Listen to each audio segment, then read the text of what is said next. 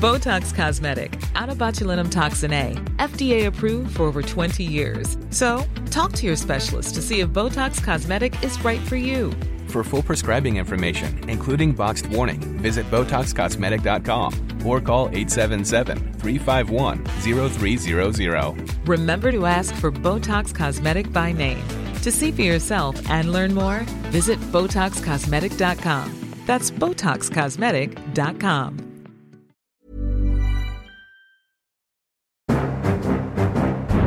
Da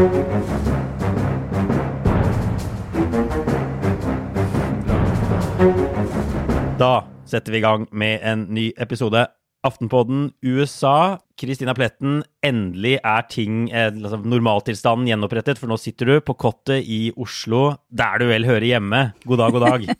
ja, jeg er tilbake i kottet. Her er det er faktisk ganske kjølig og deilig på en varm dag. Jeg sitter her med fanget fullt i sånne små kort, for jeg tenkte jeg skulle prøve noe nytt i dag.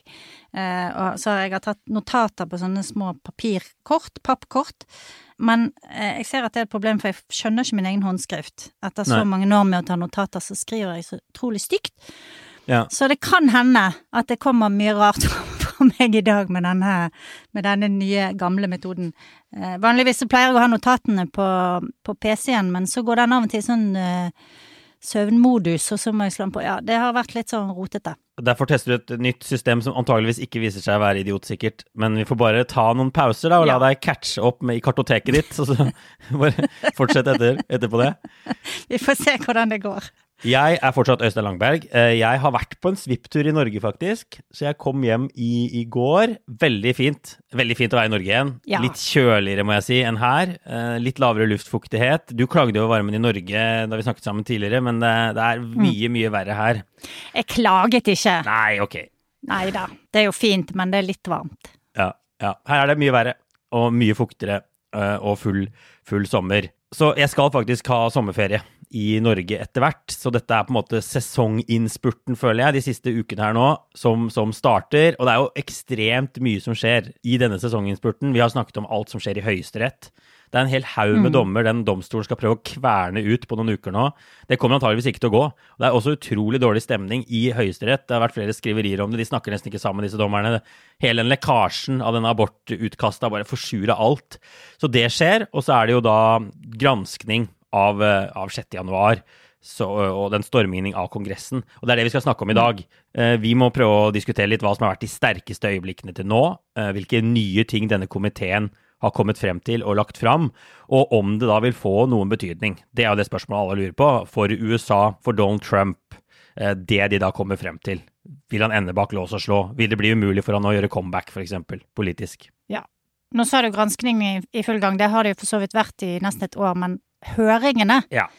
Ja. er nå i full gang. Ja. Eh, Fremleggelsen for... av resultatene er det jo egentlig Det er jo ja. litt rart å kalle høringer, det er mer enn sånn ja, det er litt rart, det er sant. Ja. Men aller først så må vi bare ta en liten runde på hva som har skjedd siden sist. Og jeg kan jo egentlig bare starte. Dette har jo vært en sånn føljetong i noen uker nå, med, med skyting og våpenlover og sånn. Mm. Eh, men det er veldig interessant å se at en tverrpolitisk gruppe i Senatet som har sittet og diskutert noen uker nå, faktisk har kommet frem til en enighet om det de kaller et rammeverk for en lovpakke for å stramme inn våpenlovene.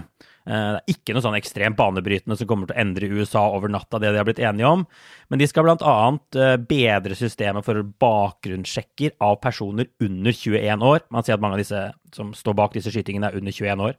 De skal gi delstater rundt, rundt, omkring i USA insentiver til å innføre såkalte red flag laws, mm. som gjør at potensielt farlige personer kan miste retten til å bære våpen. De skal også tette noen andre hull, bl.a. en sånn boyfriend loophole, som de kaller det, som gjør at personer som er dømt for partnervold, men ikke har vært gift, eh, ikke da kunnet bli fratatt våpnene sine. Nå skal det da holde å bare ha vært kjærester. Eh, så en del sånne ting. Og så er det litt på mental helse og på skolesikkerhet og sånn. Eh, og så skal de hamre ut selve lovteksten. De har bare, bare blitt enige om et rammeverk. Men, men, dette er mye mer omfattende og konkret uh, og positivt enn det du og jeg og de aller aller fleste hadde trodd for noen uker siden. Ja. Det vanlige har jo vært at det skjer helt dramatiske ting, og så blir de ikke enige om noen verdens ting etterpå. Nei. Det er sant. Og eh, jeg tenker at det er ganske kult at de har klart å komme til en enighet. Og så det, ser jeg at det er mange som sier ja, men det er liksom dette er jo altfor mye av det republikanerne ønsket, eller for lite av ditt, for mye av datt.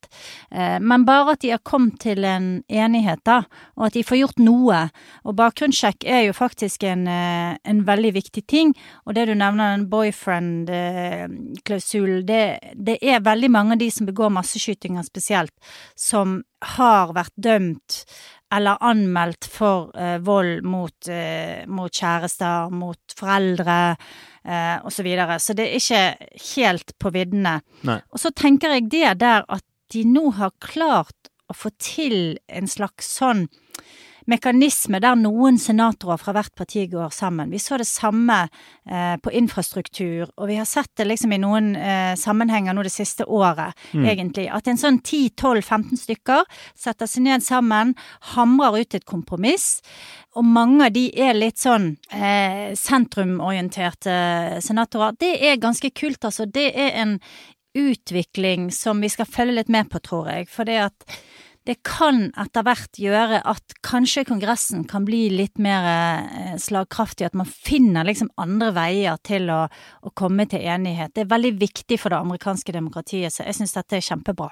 Ja, en skikkelig positiv nyhet, positiv utvikling. Mm. Så vi bare krysser fingrene for at de faktisk greier å bli enige når de også lager lovteksten eh, til slutt. Ja. Eh, og så har jeg bare ett punkt til. Eh, New York Times hadde en stor artikkel i helgen der de hadde intervjuet et femtitalls demokrater rundt omkring i USA som mener at Joe Biden er feil mann til å lede partiet inn i valget i 2024, bl.a. pga. Joe Bidens høye alder. Eh, dette kommer på et tidspunkt hvor han står veldig svak på målingene. Nå har han lavere støtte enn Trump hadde på samme tid i sitt presidentskap, ifølge 538, som lager sånt snitt av alle målinger. Så dette tror jeg vi kan vente mer av fremover. Det er jo liksom jeg føler litt at forrige presidentvalg bare er noen sekunder siden. Man har så vidt rukket å puste ut, men det er jo i gang. Rett etter mellomvalget så starter det for full guffe igjen. Trump kommer antageligvis å si at han stiller igjen, hvis han stiller igjen. Biden må antageligvis avklare kjempekjapt i løpet av et år. Eh, så, så her er det bare Ja. Det er alltid presidentvalg i USA. Ja. Det skjer masse, og dere må bare fortsette å høre på Aftenpodden USA. Ja. Det er vel det som er konklusjonen mer mer her. Det blir bare mer og mer spennende. Ehm, det som eh, også har skjedd, som egentlig også handler om selvfølgelig eh, Bidens store problemer, er jo disse inflasjonstallene som kom før helgen, og som alle som egentlig ikke liker Biden og demokratene, grep behendig fatt i. Det var altså 8,6 eh, inflasjon i USA siste måned, og ja. det er veldig høyt, høyere enn på 40 år. Det har uh, ført til en bølge av uro i internasjonale uh, finansmarkeder. Mm. Men Axios hadde en sak der de sammenlignet inflasjonen i USA og andre land og det viser seg jo at mange land i Europa nå ligger nesten på samme det, ja. nivå. Litt mm. over, litt under. Eh, Tyskland 7,9, Nederland 8,8, Frankrike 5,8. Så det er, eh, det er ikke sånn at USA er aleine i denne utviklingen. Nei. Her ser jeg at jeg faktisk kunne se på på kortet mitt hva tallet var, så det, ja. det funker med disse kortene, ser jeg okay. nå. Da blir, de, da blir de, videreført. Da blir de videreført. Men det er jo faktisk et poeng for Biden når han skal slå litt tilbake mot det her, at det ikke er demokratenes innenrikspolitikk bare, det er jo sånn republikaneren republikanerne fremstiller det, som har skapt denne inflasjonsbølgen. Mm. Bensinprisene er skyhøye i, over hele fjøla. Det er ikke et amerikansk problem. Det er ikke liksom Biden som har skylda. Så det kan nok hende at dette er noe de kan bruke til å pushe tilbake, når vi også ser at inflasjonen er på vei opp i Europa til samme nivåer som i USA. Ja, det burde jo være det ikke sant? Men spørsmålet er om, eh, om, det, om, om den delen av det amerikanske publikum er interessert i å høre på det. Ja. Altså ja. på nyanser og ting fra andre land og sånn. Det ja. tviler jeg egentlig litt på. Ja. Det er sant. det er sant. Men ok, la oss gå over til, til hovedtemaet, da. Granskningen av stormingen av Kongressen 6.1.2021. Det er jo sånn at En spesialkomité i Representantenes hus har gransket dette angrepet, eller denne stormingen, i snart et år. Eh, de har snakket med over 1000 vitner, de har tilgang til over 140 000 dokumenter. Vi har vært innom dette mange ganger, det har lekket en del detaljer. Vi har mm. Eh, lest en del om ting i bøker, i avisartikler og sånn.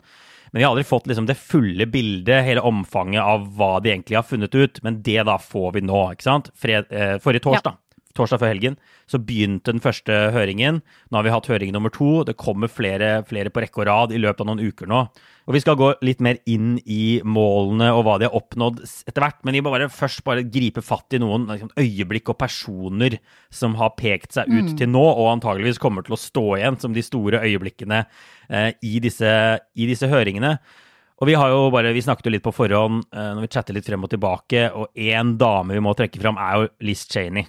Uh, kongresskvinnen fra, fra, Wyoming. Altså Egentlig så ville jo demokratene ha en stor tverrpolitisk komité, slik man hadde etter uh, 9-11, altså 11. september-angrepene. En uavhengig komité. Ja, en uavhengig komité, egentlig, med granskere ja. som kanskje ikke var politikere i det hele ja. tatt. Ikke politikere, eh, men granskere. Ja, mm. Men dette satte jo republikanerne eh, foten ned for da de ikke fikk det som de ville. Um, så i dagens komité består nesten utelukkende av politikere og av da demokrater, men de har fått med seg to republikanere, og en av dem er mm. Liz Cheney. Og det er bare superviktig for den gir den, den, komiteen et snev av tverrpolitiskhet og uavhengighet. At de har med seg disse republikanerne. Og de er jo så heldige uh, at Liz Cheney da var den som valgte å bli med. For hun altså fremstår som så sylskarp, og setter egentlig mange av de andre i skyggen.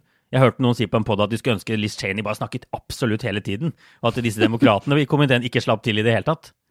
Altså, det er jo eh, ikke noe sånne høyprofildemokrater egentlig som er med Benny Thompson som leder komiteen er en uh, relativt voksen mann mm. uh, fra The Deep South som uh, ikke har vært noe sånn spesielt stor profil i Kongressen, selv om han har sittet der i veldig mange år. Mm. Zoe Lofgren fra California, omtrent samme, jeg tror også hun er sånn 74-75 år, heller mm. ikke noen sånn veldig viktig profil for demokratene. Så Cheney løper jo liksom sirkler rundt eh, disse demokratene i den måten hun er bare sånn laserskarp på, og hennes eh, bakgrunn som advokat kommer også tydelig frem, eller jurist. Og så har hun jo eh, vist et sånt helt, vil jeg si, nesten abnormalt mot, da. Mm. Som veldig få mennesker har, til å gå mot sine egne, stå imot alt det presset, stå imot hets. Eh, og sitte der og virkelig føre ordet for denne kommisjonen på en måte som jeg tror veldig få mennesker egentlig kunne klart. Jeg så det var noen som spurte på Twitter er det noen demokrater som kunne gjort det samme mot sitt eget parti. Ja. Og da måtte jeg tenke meg godt om Jeg kan ikke si at det sånn umiddelbart eh, var noen som poppet opp, da. Nei. Som kunne gjort det samme som hun gjør her. Og jeg tror mange er litt overrasket over at det er Liz Cheney som gjør det òg. Man kunne sett for seg at det var noen moderate, mm. sentrumsorienterte republikanere som bare fikk nok av Trump. Men, men, det kommer nesten litt ut av det blå. altså Datteren til liksom, tidligere visepresident Dick Cheney, svært konservativ dame i sånn verdispørsmål, våpen, abort, religion, Veldig. økonomi. Sånn erkerepublikansk eh, dame. Ja. Eh, men likevel da, på en måte, når det kom til da demokrati, så var hun da villig til å ofre på en måte alt. og det, Hun har kanskje, har kanskje sunket litt sånn gradvis inn, men i dag så, så hun mister jo antageligvis plassen sin i Representantenes hus til høsten. Hun har en kjempetøff utfordrer i Wyoming, som jo er den mest trumpete staten, trumpete staten i, i, hele mm. USA. Så det er jo på en måte den politiske karrieren, i hvert fall nå på kort sikt, hun, hun antageligvis uh, ofrer her. Men hun mener tydeligvis at det er verdt det, da. Ja. På, et annet, på et eller annet nivå. Hun eh, sa jo den, i den første høringen i sin innledningsreplikk, eh, så sa hun eh, til sine republikanske kolleger at en dag så vil Trump være borte, men denne skammen som eh, henger ved dere, vil, vil bli værende. Så hun ja. har liksom refset eh, sine egne ganske hardt, da. Og så vil vi jo etter hvert også få se henne mer når hun eh, stiller spørsmål til vitner og sånne ting, så det, det, det blir veldig spennende å følge henne. Og så lurer jeg òg på hvordan hun tenker sånn rent politisk. Hva er det hun har, uh, har som ambisjon videre? Og jeg vil mm. jo tro at på litt sikt Hun er vel 55 år eller noe sånt, sant? så om ti år ja. da, så er hun 65. Uh, eh, Trump uh, er sannsynligvis pensjonert i Florida. kan det da være at hun ser for seg at en presidentkandidatur i ja, altså 2028 eller til og med 2032, da, kan være noe for henne, at hun da vil kunne liksom hente frem igjen eh, den gjerningen som hun nå gjør, og liksom bygge videre på det. Ja. Det, det, det er en interessant tanke. Man, hun er jo politiker, kommer fra en mm. politikerfamilie. Man skulle jo tro det er noen andre baktanker bare enn å ville redde demokratiet så, så, som driver henne. Eh, mm. Men altså, hun er jo en, en, helt sentral republikaner. det er det som er viktig. Hun var jo en del av lederskapet i det republikanske partiet i Representantenes hus inntil i fjor. Så hun er jo en stor profil. Mm. Uh, og er, altså, jeg, jeg, mener helt avgjørende for, uh, for denne komiteen. Altså Uten på en måte henne, uten disse to republikanerne, så ville nok dette fått enda mye mindre oppmerksomhet. Ja. Uh, ja. Jeg vet ikke hvor mye respekt hun har blant vanlige folk på høyresiden i USA, men hun er i hvert fall et navn som, med, og med, med lang, lang historie. på, i amerikansk høyreside. Jeg har faktisk skrevet ned her på kortet mitt et sitat som hun kom med i den første høringen, som jeg tenker oppsummerer veldig motivet hennes, da. Så nå skal jeg se om jeg kan klare å lese det. det altså, når, når en president ikke tar de nødvendige skritt for å bevare nasjonen, eller verre, forårsaker en konstitusjonell krise, så er vi ved et punkt der republikken er i maksimal fare.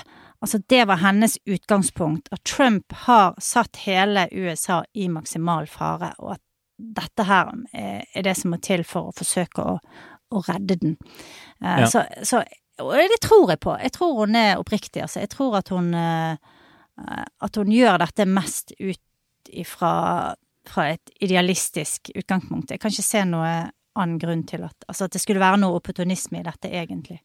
Nei, på kort sikt virker det veldig lite opportunistisk å gjøre det her og miste plassen sin i Kongressen. Mm. Uh, og vi får se da om hun faktisk taper. Det er noe vi skal følge, følge med på. Det kommer et primærvalg utpå ut på høsten som jeg mm. bør uh, dra opp og dekke i, i Wyoming. Uh, så hun, hun, brenner jo da alle broer til Trump-leiren og til store deler av sitt eget parti. Og det er jo flere som brenner alle, alle broer til i hvert fall Trump her.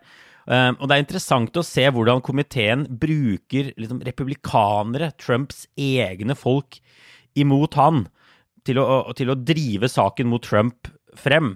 Framfor å mm. måtte, ha inn andre uavhengige stemmer, demokratiske politikere, så lar de Trumps folk snakke i masse ulike videoklipp. De trekker republikanere inn i salen til å på en måte vitne mot Trump. Og en av de som også har på en måte utpekt seg disse dagene, er jo Trumps tidligere justisminister William Barr, Bill Barr, som de, som de kaller han. Uh, mm. ja, Axios skrev ned Altså, han, han, han, han har jo bare virkelig tatt et totalt oppgjør med alle disse Trumps valgløgner og alt det som skjedde i ukene etter valget. Axios lagde en sånn um, liste over ord han hadde brukt om dette, og der, der er jo ord som bullshit, idiotic, stupid, complete nonsense, crazy stuff. Og så hørte jeg på i går, da, altså rubbish, kalte han dette.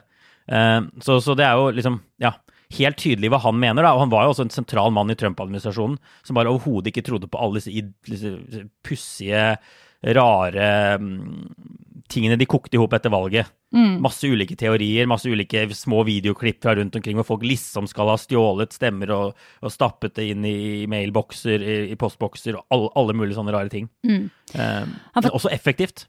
Ja, det er effektivt, men jeg tenker at Barr Eh, ikke eh, Han fremstår ikke som like eh, uselvisk som det Liz Cheney gjør. Han, han fremstår som han er også veldig interessert i å liksom redde sitt eget skinn og renvaske sitt eget navn her.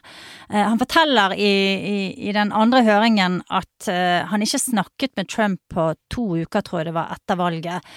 Uh, og mm. så får han en telefon, sier nå må du komme inn til Det hvite hus, dette begynner å bli merkelig. Og så refererer ja. han da til et møte i Det hvite hus helt til slutten av november, der han sier til uh, Trump at han ikke tror på, uh, på, disse anklagene om at det er valgfusk, og at det ikke er noe bevis for det.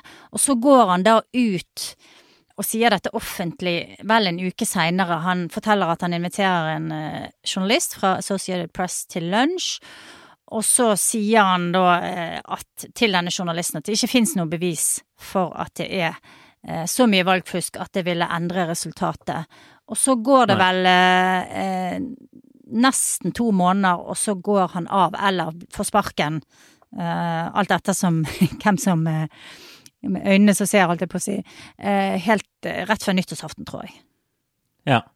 Men, men det, det, man så da i den andre høringen, var jo et forsøk på å vise at ingen av de ordentlige menneskene, de seriøse menneskene rundt Trump, trodde at han hadde vunnet dette valget. Og det var ganske effektivt. De hadde intervjuet Trumps valgkampsjef, eh, Bill Steffien. De hadde intervjuet en hel haug med sånn sentrale advokater og sånn. Mm. Eh, og alle tok avstand fra Trumps påstander. Og, alle, og, flere av de sa jo at de også hadde snakket med Trump og tilbakevist masse sånne enkelteksempler som Trump hadde, hadde mm, hengt seg opp i med disse stemmetellemaskinene og alt dette greiene de holdt på med, Dominion eh, altså Det var så mye, så mye teorier. Mm. og Hugo Chávez og Italia og, og en sånn hel haug med ting.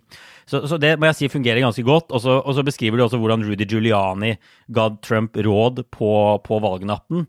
Og det var vel, det var vel Miller, var en av disse rådgiverne til Trump som sa at, at Giuliani var full. Eh, da han også drev og ga råd til presidenten om at han burde si at han hadde vunnet på valgnatta. Og det var de rådene Trump da valgte å høre på, mm. ikke på disse andre rådgiverne som hadde vært med han en stund. Mm. Og Liz Cheney også trakk vel fram at, at Giuliani hadde vært ganske beruset da han drev og ga presidenten råd. Ja, og sånn på det folkelige plan så er jo dette her eh, kanskje noe som, som vil gå hjem hos de som ser på, men samtidig så syns ikke jeg i den andre høringen at de klarer å bevise at at Trump ikke trodde på de, de påstandene han kom med. Du nevnte Jason Miller. Eh, ja. De viste et veldig kort klipp der Miller eh, sier at han fortalte presidenten at det ikke var noe grunnlag for å komme med disse påstandene. Og så etterpå så gikk Miller ut på Twitter, og så sa han eh, de hadde klippet vekk andre delen av sitatet mitt, og det var det at eh, Trump ikke trodde på meg. Og ja. det er jo litt sånn ødeleggende også for denne her kommisjonen, ikke sant. Hvis de liksom kutter kutter vekk sitater, håndplukker. Det vi har sett til nå har vært veldig stramt redigert. Eh, små, mm. korte sitater fra forskjellige mennesker som på en måte bygger og veldig tett opp under et narrativ. Men eh, likevel, da, så har i hvert fall ikke jeg kunnet liksom høre noen som har lagt frem noe bevis som skulle mm. tilsi at eh, Trump eh, Trump ikke trodde på det, at han visste at det han sa var, var løgn. Så man snakker liksom om sånn Team Normal og Team Crazy. og det virker ja, ja. jo som om Trump var på Team Crazy, rett og slett. Absolutt, Eller ville være det. Absolutt. Ja. ja. og Barr sier vel også at Trump er, var frakoblet virkeligheten der. Mm, mm. Eh, men, men, dette leder jo så egentlig over på, på, måte, på, på, hoveddiskusjonen i dag. Vi må snakke litt om hva komiteen ønsker å oppnå med disse høringene, og hvorvidt de vil klare det. Og vi kan jo på en måte dele det inn i tre sånn hovedmål komiteen har, bare for å strukturere dette litt. Mm. Det ene er på en måte det historiske aspektet, ønsket om å dokumentere og komme til bunns i hva som skjedde, så at det ikke skal skje igjen, og bare for å ha en, en fortelling for ettertiden. Ja. Uh, hva, var det, hva, var det, egentlig som fant sted på denne utrolige dagen 6.1.2021 og i, i, månedene før? Mm. Uh, og så er det jo et mål om kanskje å endre folkeopinionen, få flere til å innse alvoret i 6.1, Trumps rolle i det som skjedde, altså hindre at han og andre politikere kommer tilbake. Og så er det tredje mål som går på dette, vil man få noen tiltalt dømt? Kan man få Justisdepartementet på banen her? Ble det det begått noen lovbrudd av Trump eller andre i hans innerste krets. Mm. Men jeg syns vi kan starte med liksom det første av disse målene, altså komme til bunns i å dokumentere hva som faktisk skjedde denne dagen. Altså, Av de tre målene jeg lista opp nå, så er jo det på sett og vis, sett og vis det enkleste å komme til bunns i, og det de antageligvis vil klare å tegne et bilde av, av denne, denne dagen. Vi vet jo allerede en god del. ikke sant? Vi hadde riksrettssaken mot Trump. Vi fikk mm. jo konturene av den dagen og de månedene da. Vi har hatt disse bøkene. Eh, men vi har fått et enda mer sånn helhetlig bilde eh, i disse to høringsdagene, og i de som kommer får vi helt sikkert vite mer. Ja, og det er det enkleste, og kanskje sånn i det lange løp det viktigste. De, ja. de, skal, de, skal, skape et dokument for ettertiden. De skal også eh, lage en slags veiviser i det dokumentet for hvordan man kan forhindre at dette skjer igjen. Eh, mm. Det kan ligge til grunn for endringer av valglover, og det kan også være en måte for de som er rundt en president, og de som jobber, altså staben i Det hvite hus, alle disse støttefunksjonene som vi ser nå vitner, eh, kan være en, en, slags veiviser for disse menneskene på hvordan du skal oppføre deg, og hva du skal gjøre og ikke gjøre, og, og hvordan institusjonene og rammeverket rundt demokratiet kan fungere for å styrke det og, og, og beholde det. Føler du at de har lagt frem noe nytt Uh, altså noe som, som, vi ikke visste fra før. Altså, en ting som har blitt tydeligere for meg da, etter den første høringen, var dette med ek ekstremistgruppene. Og hvordan ja. de, og dette, Her lener de seg på ting som allerede har vært framme i rettssaker, og sånn, men hvordan de på en måte, de planla dette på forhånd. De brøt de første barrierene. Det var ekstremistgrupper, Oath Keepers, Proud Boys, som knuste de første vinduene. Uh, det har jo vært en debatt om liksom, var folk der ved en tilfeldighet. Var det turister som, som begynte å marsjere mot Kongressen og så bare spant ting ut av kontroll? Og sånn som de fremstiller den komiteen, så var det ikke det. Eh, det var på en måte noen, noen veldig sånn planlagt angrep som gikk først, og åpnet Kongressen, før det da var mer skal vi kalle det vanlige mennesker i hermetegn, som etter hvert også gikk inn der. Mm. Eh, som, som, er en sånn interessant og sånn viktig ting å få frem. Det er ikke sikkert uten Proud Boys og uten, uten Keepers at dette angrepet hadde skjedd den dagen. Ja, de gikk jo før Trump begynte å holde til tale, gikk de til Kongressen ja. Eh, og startet å lage bråk. Og Proud Boys og Outkeepers er da to sånne eh, militsgrupper, ja. ekstremistgrupper, ja. som driver med sånn og løper rundt med våpen og de sa vel at lederne for disse to gruppene hadde møttes i en, sånn, eh, et parkeringshus. Enten tidlig om morgenen eller kveld før, jeg husker ikke helt. Men um, de har jo kommet med mange ting som vi ikke har hørt før. Der er jo kommet frem e-poster. De har vist at, at, mange mennesker har vært involvert i dette her i tiden før. Mm. Mark Meadows, stabssjefen til Trump, kanskje den viktigste, har hatt kontakt med, med flere eh, andre mennesker som har eh, bevisst drevet denne kampanjen for å, å, hevde at valget var stjålet. De har hatt et, mm. eh, et slags sånn war room i et hotell i Washington i dagene før 6. januar. Eh, vi fikk vite at det var et møte rett før jul i Det hvite hus, der eh, Mike Flynn, tidligere sikkerhetsrådgiver og definitivt et medlem av Team Crazy, og en del andre av disse menneskene eh, var og møtte med Trump og snakket om hvordan de skulle overtale Pence til å eh, til å nekte å godkjenne valget. Eh, og rett etter at de går fra Det hvite hus, så sender Trump denne tweeten kom til Washington, ikke sant, 6. januar, It Will Be mm. Wild. Um, så vi har fått vite veldig mange sånne ting som vi ikke har visst før, men problemet er jo å sette det inn i en sammenheng. Det blir så mye. Det blir mange navn, det blir mye forskjellige hendelser og motiver man skal forholde seg til. Og det er, det, det, det er ingen enkel oppgave å fortelle dette her i en liksom sånt eh, narrativ, da. Det jeg er mest interessert i av alt, er å vite hva Trump gjorde på 6. januar, og hva han ikke gjorde. De snakket litt om det i den første høringen, sant. Han snakket ikke med forsvarsministeren, han snakket ikke med justisministeren, han snakket ikke med Homeland Security. Han hadde Nei, ingenting å gjøre med Han var veldig passiv, mener de. Ja. ja. Um, og han har jo en plikt. Han sverger jo. Han har uh, en plikt til å, å, forsvare nasjonen, og ingenting kan vel være viktigere enn å forsvare Kongressen mot angrep. Så de detaljene tror jeg kommer frem etter hvert, og det, det tror jeg kommer til å være utrolig uh, essensielt i dette her. Og ikke minst hva, hva, ja. hva var liksom forholdet til, til Forsvaret og til National Guard, og hva, hva ble sagt og hva ble ikke sagt der. Altså, de har jo fått utrolig mange viktige folk i tale her. Mm. Det er det ingen tvil om. Sentrale folk som antageligvis ikke journalister eller andre ville fått i tale hvis de ikke hadde hatt denne makten en sånn komité har da, til å stevne folk og sånn. Um, og så er det ingen som forteller en sånn alternativ fortelling veldig effektivt der heller. Uh, hvis man ser på hva, hva på den ytre høyresiden gjør, så bare prøver de å lede oppmerksomheten over på inflasjon, prisvekst og andre ting. Så det, det kan nok hende at dette her hvert fall blir stående som et veldig viktig dokument for mm. historien. Det tror jeg. Så, jeg. så, jeg. vil nok tro at noen i komiteen mener dette er verdt å gjøre uansett om det eneste som kommer ut av det, er at de ender opp med liksom, en rapport eh, som er godt dokumentert med veldig mange av de sentrale aktørene. Ja, og så sitter jeg og tenker på at uh, dette burde, mye av dette burde vært inne i riksrettssaken i, i fjor, som de liksom føk igjennom altfor fort, fikk ikke presentert ordentlig bevis og vitner. Så eh, det er jo litt sånn Det kommer litt seint, men, men men det er bedre enn ingenting. Hey, I'm Ryan Reynolds. Recently, I asked Mint Mobile's legal team if big wireless companies are allowed to raise prices due to inflation. They said yes. And then when I asked if raising prices technically violates those onerous two-year contracts, they said, "What the f*** are you talking about? You insane Hollywood ass." So to recap, we're cutting the price of Mint Unlimited from $30 a month to just $15 a month. Give it a try at mintmobile.com slash switch. $45 up front for three months plus taxes and fees. Promoting for new customers for limited time. Unlimited more than 40 gigabytes per month. Slows. Full terms at mintmobile.com.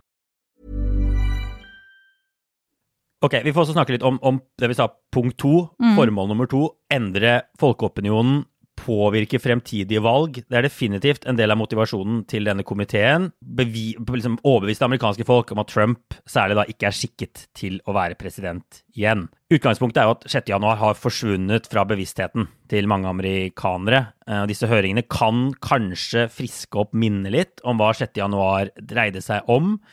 Du ser jo, de har leid inn en sånn proff TV-produsent som har laget masse dokumentarer og sånn. Det er et mål her om å engasjere mindre engasjerte velgere, tror jeg vi kan si. De sendte jo den første høringen i primetime, mm. eh, amerikansk tid. Og den gikk ikke bare på de vanlige nyhetskanalene, som jo har snakket masse om, om 6. januar uansett, sånn som CNN, MSNBC. Den gikk også på det som tilsvarer norsk NRK TV 2. ikke sant? CBS, ABC, NBC. Det var noen tall nå som viste at de nådde 20 millioner mennesker denne første høringsdagen. Um, vi kan jo sammenligne, altså Fox nådde tre millioner samme dag, så disse nyhetskanalene er jo vesentlig mindre. og Fox News er den største, men de når da vesentlig mindre, fo uh, mindre folk. Så, men så er spørsmålet om det liksom vil endre noe, da. Det er jo dette som blir den store debatten nå. Ja, men så er det jo sånn at det er ikke bare de som ser på høringene som vil bli påvirket. For at eh, nyhetssendingene plukker opp ting, de har disse medlemmene inne og intervjuer de, så det, det genererer jo veldig mye nyhetssaker rundt høringene. Mm. Uh, og det det ser ut som de gjør, er jo nå at de prøver å holde det i den offentlige eh, arenaen lenge, da, med sant, å gi liksom ja. litt og litt og litt. Eh, og så er det jo en uvanlig høring, fordi at du har ikke denne der frem og tilbake. Vanligvis i høringene så er det først en demokrat som stiller spørsmål, og så kommer en republikaner, så en dem demokrat-republikaner. Og dermed så får du eh, de to forskjellige perspektivene presentert sånn hele tiden frem og tilbake.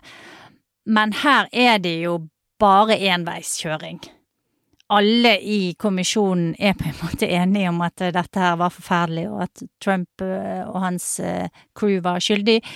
Eh, så det gjør jo også kanskje at hvis du er litt sånn på vippen, hvis du ikke er veldig interessert i å bare få bekreftet det du allerede trodde, så er jeg ikke så sikker på om det er så effektivt. Jeg er veldig usikker, men, men vi får se hva som kommer nå etter hvert. Men så langt så tenker jeg at det har kanskje ikke hatt nok punch til å virkelig liksom endre noen sin mening som, som liksom er litt sånn tilter over på andre siden, da.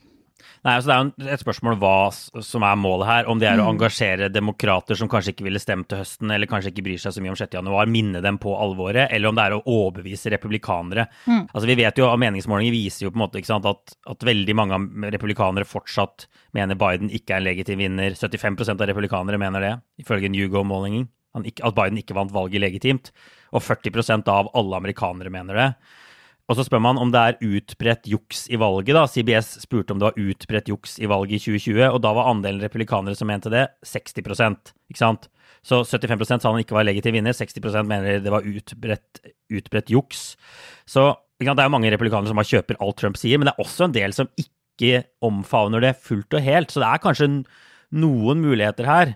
Men ikke sant, i går igjen, altså børsfall, vi snakket om inflasjon, det var det som dominerte nyhetene mm. i USA. Det var jo ikke den høringen, så de kjemper jo virkelig mot, mot store krefter der ute. Men, men det, det, er et godt eh, poeng, eh, Øystein, at det blir kanskje litt vanskeligere for en del, i hvert fall moderate republikanere, å skulle bruke liksom det der at valget ble stjålet og valgfusk, altså bruke det Trumps narrativ i valgkampen i høst. Mm. Kan hende det blir litt vanskeligere for i hvert fall en del eh, kandidater etter dette her, da, etter alt som kommer frem i disse høringene.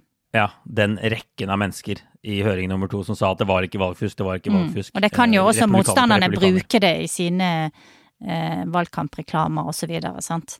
At her sitter ja. Trump sin eh, advokat og Trump sin ditt og datt og sier at eh, dette, dette, var løgn og bullshit. Ja, ja, ja. Mm. Ok, så det var liksom folkeopinionen. Så får vi snakke litt om, om det juridiske til slutt, da. Mm. Uh, vi, bare, vi, vi, må først bare minne om at 6. januar har fått store konsekvenser for masse mennesker allerede. De menneskene som gikk inn i Kongressen den dagen, der er det mange som er blitt tiltalt. Over 800 mennesker er blitt tiltalt, og mange har blitt dømt til å betale bøter. Noen har endt i fengsel for stormingen av Kongressen. Jeg tror de lengste straffene er på noe sånt som fem år i fengsel til nå. Og det er fortsatt uh, mye rettssaker. og du, du, Vi nevnte jo disse ekstremist-militsgruppene òg. Der er det som større rettssaker på gang. Så, så, så, så, for dem har det fått konsekvenser. Det er det Justisdepartementet som står for. Det er ikke denne komiteen som driver med det. Men ingen i Trumps nærmeste krets, eller presidenten selv, har fått noe tiltale for, for det som har skjedd uh, eh, 6.1.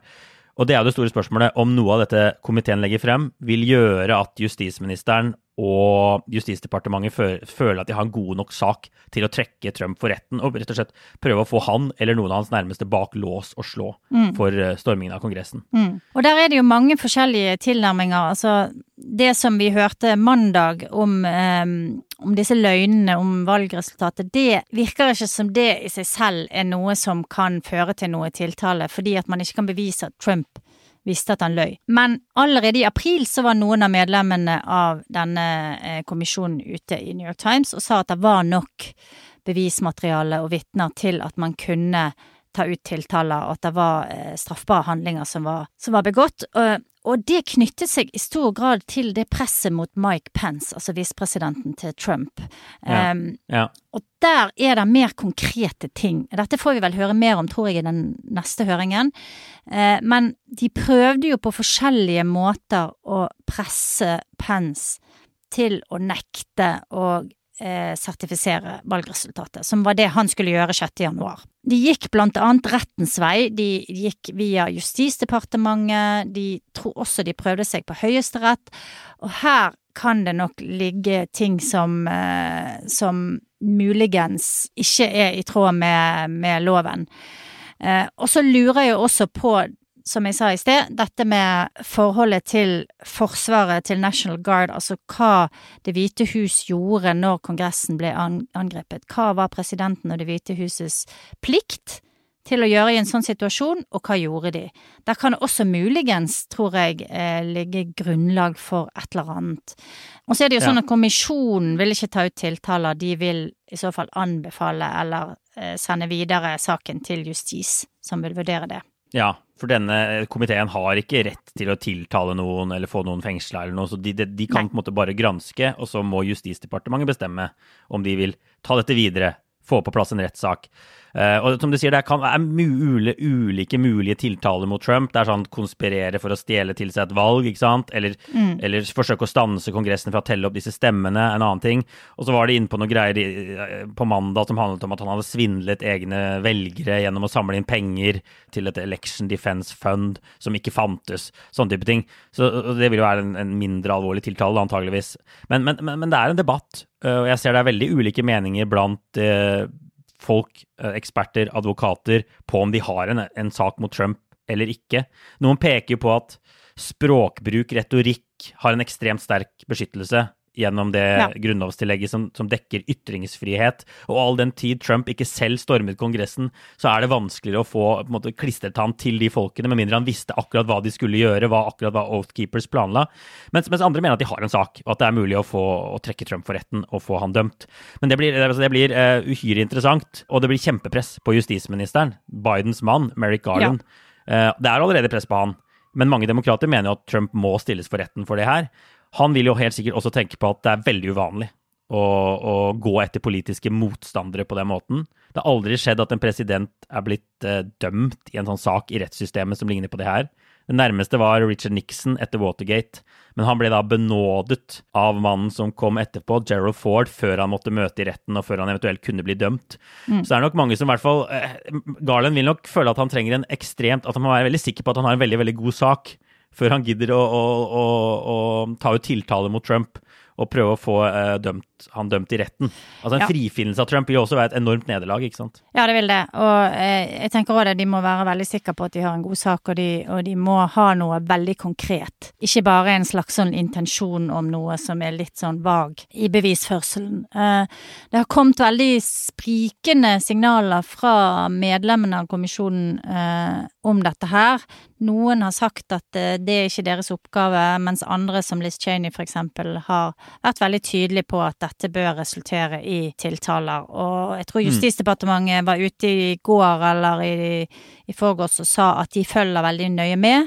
De ser på høringene, de, eh, de vurderer dette her løpende og har god kontakt. Så Eh, det vil bli spennende, veldig spennende å se eh, i de neste høringene hva som kommer frem. Eh, og spesielt tror jeg at eh, den høringen om Pence og Pence sin, Ja. eh, sin rolle, og der er hans nærmeste medarbeidere eh, on record og samarbeider. Eh, så det der, der kan det nok komme en del eh, nytt, tror jeg. Ja. Nei, det er en skikkelig oppoverbakke å skulle trekke, altså ta Trump for, for retten. Og du har jo også dette vil antakeligvis bli anket, ikke sant, og du ender oppover i, i rettssystemet i USA, kanskje opp i Høyesterett, hvor det jo sitter masse konservative Trump-utnevnte dommere. Så det er en lang vei før, før Så det blir veldig interessant å se hva Garland gjør. Han er en, Merrick Garland, altså justisministeren, han er også i en, en skikkelig knipe på veien videre her.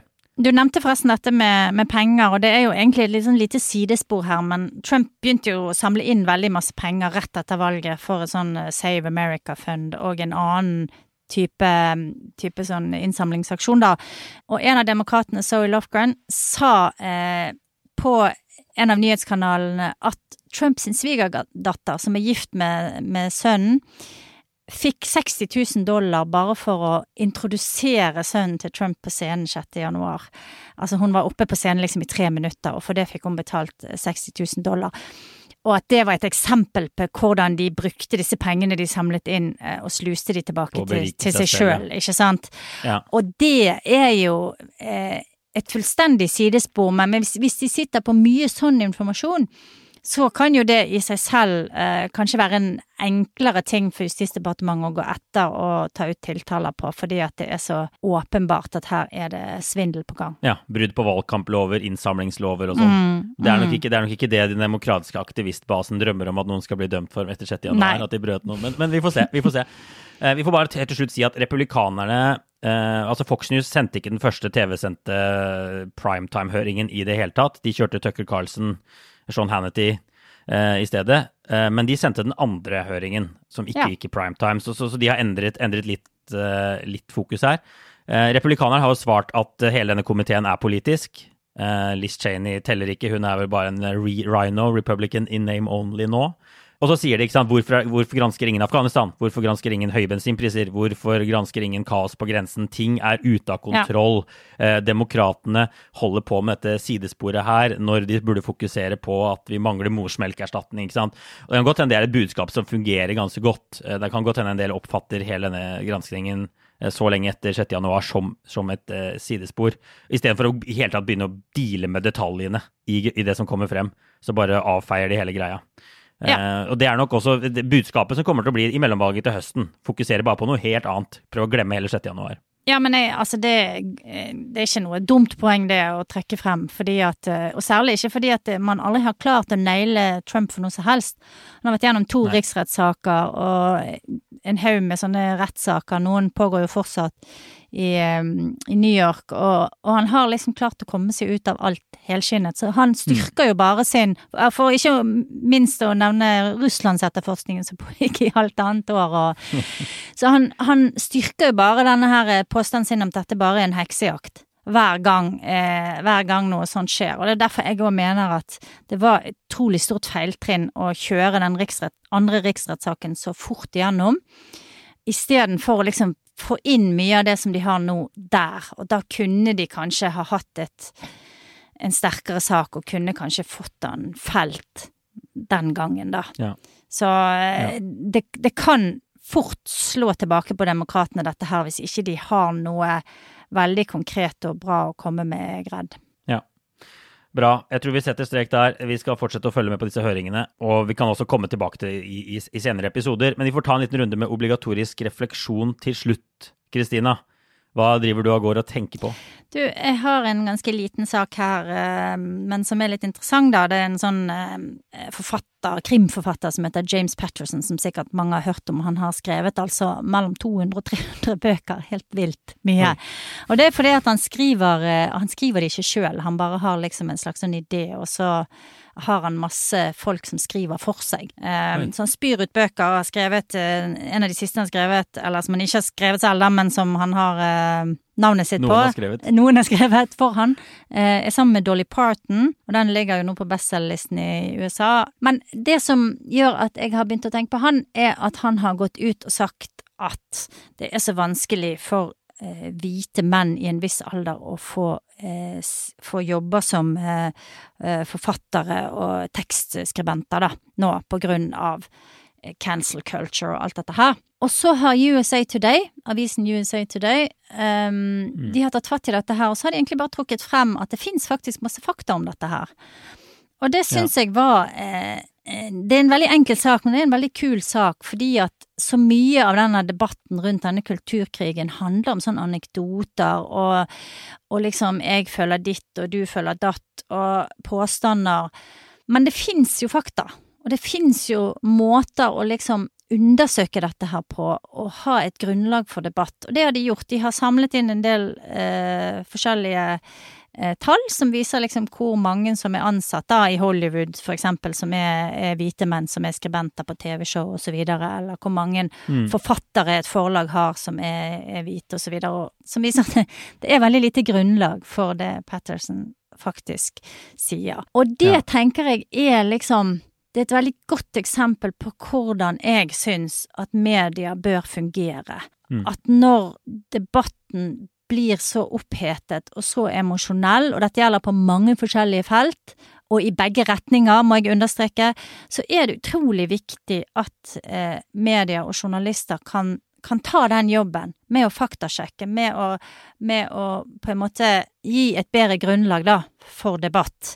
Mm. Og ikke bare sitte og ta sider og hoppe ned i skyttergravene. Så jeg syns det var det, det er en veldig enkel sak, men, eh, men veldig bra vinklet og, Ja.